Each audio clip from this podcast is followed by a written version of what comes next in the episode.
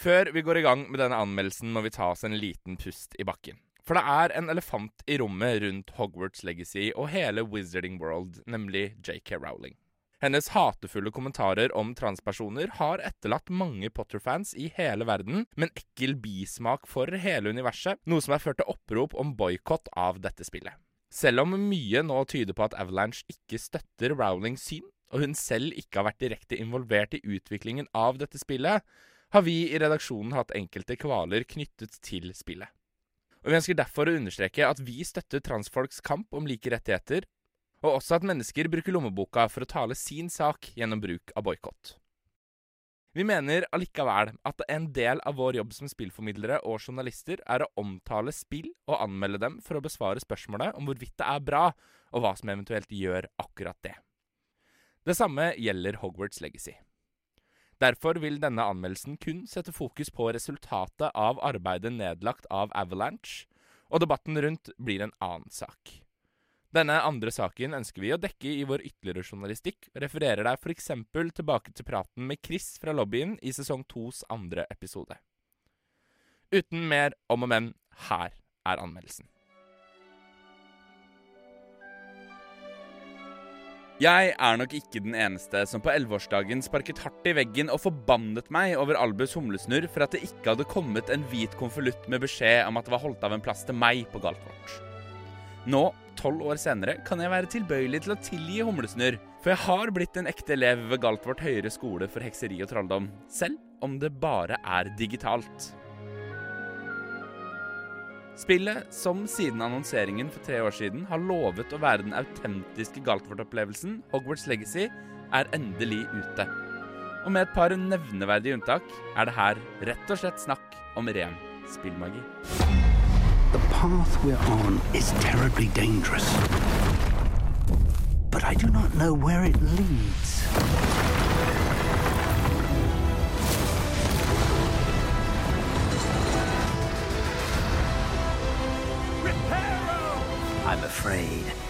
You're on your own. I've ensured that we have a moment to. Hogwarts Legacy åpner fra de første minuttene virkelig døren inn i den magiske verdenen. Og når du nå skal finne din plass på skolen, er det som akkurat den du vil. Du skaper din egen karakter før du er klar til å møte den magiske verdenen 100 år før bokseriens tid. Men det er en liten tvist her. For i motsetning til de andre nybegynnerne på skolen som starter i første klasse i 11-årsalderen, trer du rett inn i femte klasse som 15-åring, uten at spillet egentlig legger spesielt mye innsats i å forklare akkurat dette. Men det er ikke bare den sene skolestarten som gjør deg annerledes enn de andre elevene. Det blir også klart at du innehar magiske krefter ingen andre har, uten at det faktum at du er den utvalgte, trøkkes opp i trynet ditt, som i så mange andre historier.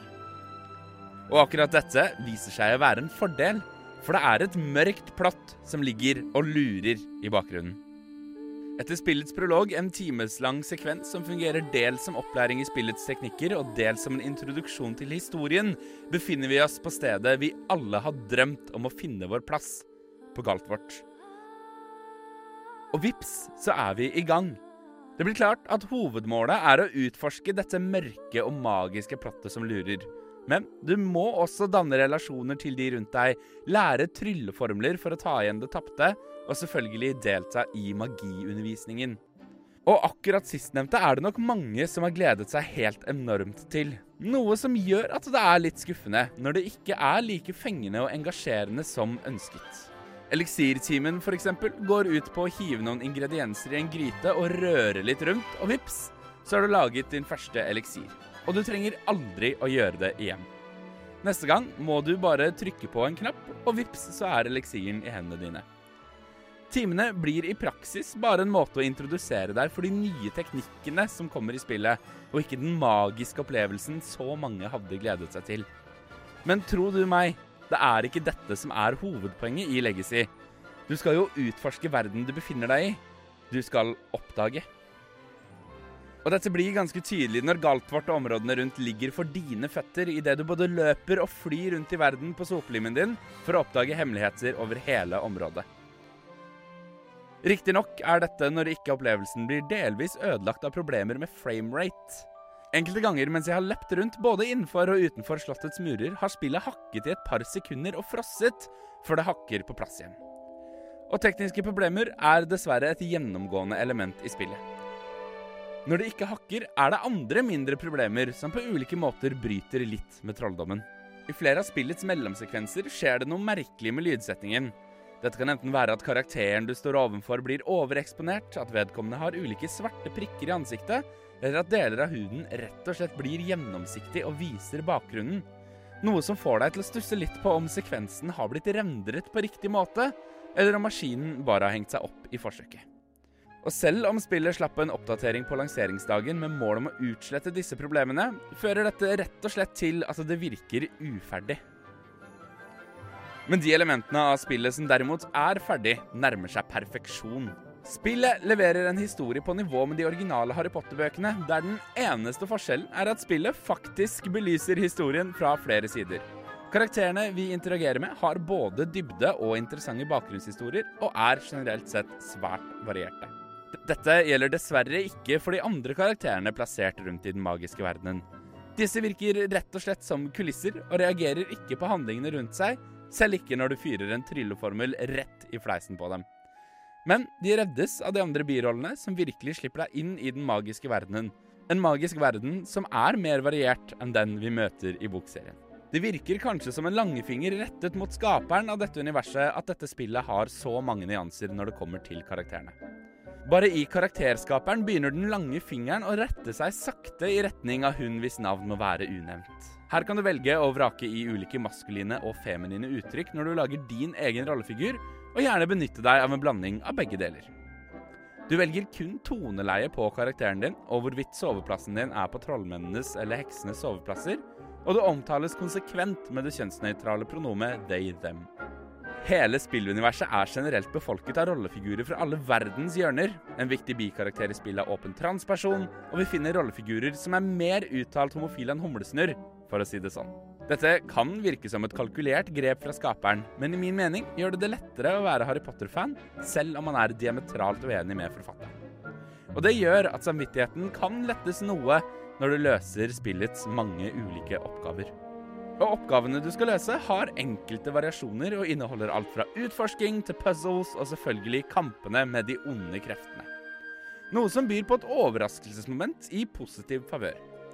For selv om du i begynnelsen kun utrustes med et par formler, utvikler dette seg raskt gjennom historien til 23 magiske formler du kan benytte deg av. Det kan på overflaten virke som en komplisert affære å skulle balansere og bruke alle disse, men her er spillet nytenkende og geniale. Det gir deg nemlig et system i form av fire ulike menyer, der du kan sette sammen totalt 16 formler du kan benytte deg av akkurat når du vil, og som hele tiden kan oppdateres med dine nye favoritter. I lengden kan det riktignok bli litt mange magiske kamper, men her reddes spillet igjen av utallige sideoppdrag og andre ting du kan utforske i den magiske verdenen. Alt dette er akkompagnert av musikk som virker så universfast at jeg måtte dobbeltsjekke for å være sikker på at dette ikke var John Williams' verk. Jeg er ofte av typen som kan finne på å skru av musikken når jeg spiller store rollespill, men ikke i Legacy, for her er musikken alfa og omega. I konklusjon er Hogwarts Legacy akkurat det vi ble lovet at det skulle være. Et rollespill som lar oss leve ut våre Galtvort-drømmer. Historien leverer en god trolldomshistorie, og selv når den er over, har du flerfoldige timer igjen i spillet med massevis å utforske og oppdage, både innenfor og utenfor slottets murer.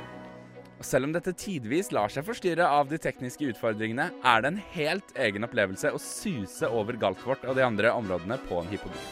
Dessverre klarer ikke Hogwarts Legacy å karre seg til en toppkarakter. Jeg frykter at de som er enda mer rollespillvante enn meg, nok vil kjenne at det ikke er nok å bare gå på Galtvort. Og de som bare vil oppleve magitimene, vil nok også skuffes. Hogwarts Legacy ender derfor på 79 av 100 troikabarer. Med unntak av legospillene har ikke Harry Potter-verdenen klart å lire av seg et ordentlig spill enda, og Derfor blir det litt platt å si at dette er det beste spillet vi har fått ut av dette universet til nå. Men jeg sier det allikevel. Dette er det beste spillet vi har fått fra universet, selv om jeg håper at det også blir det siste.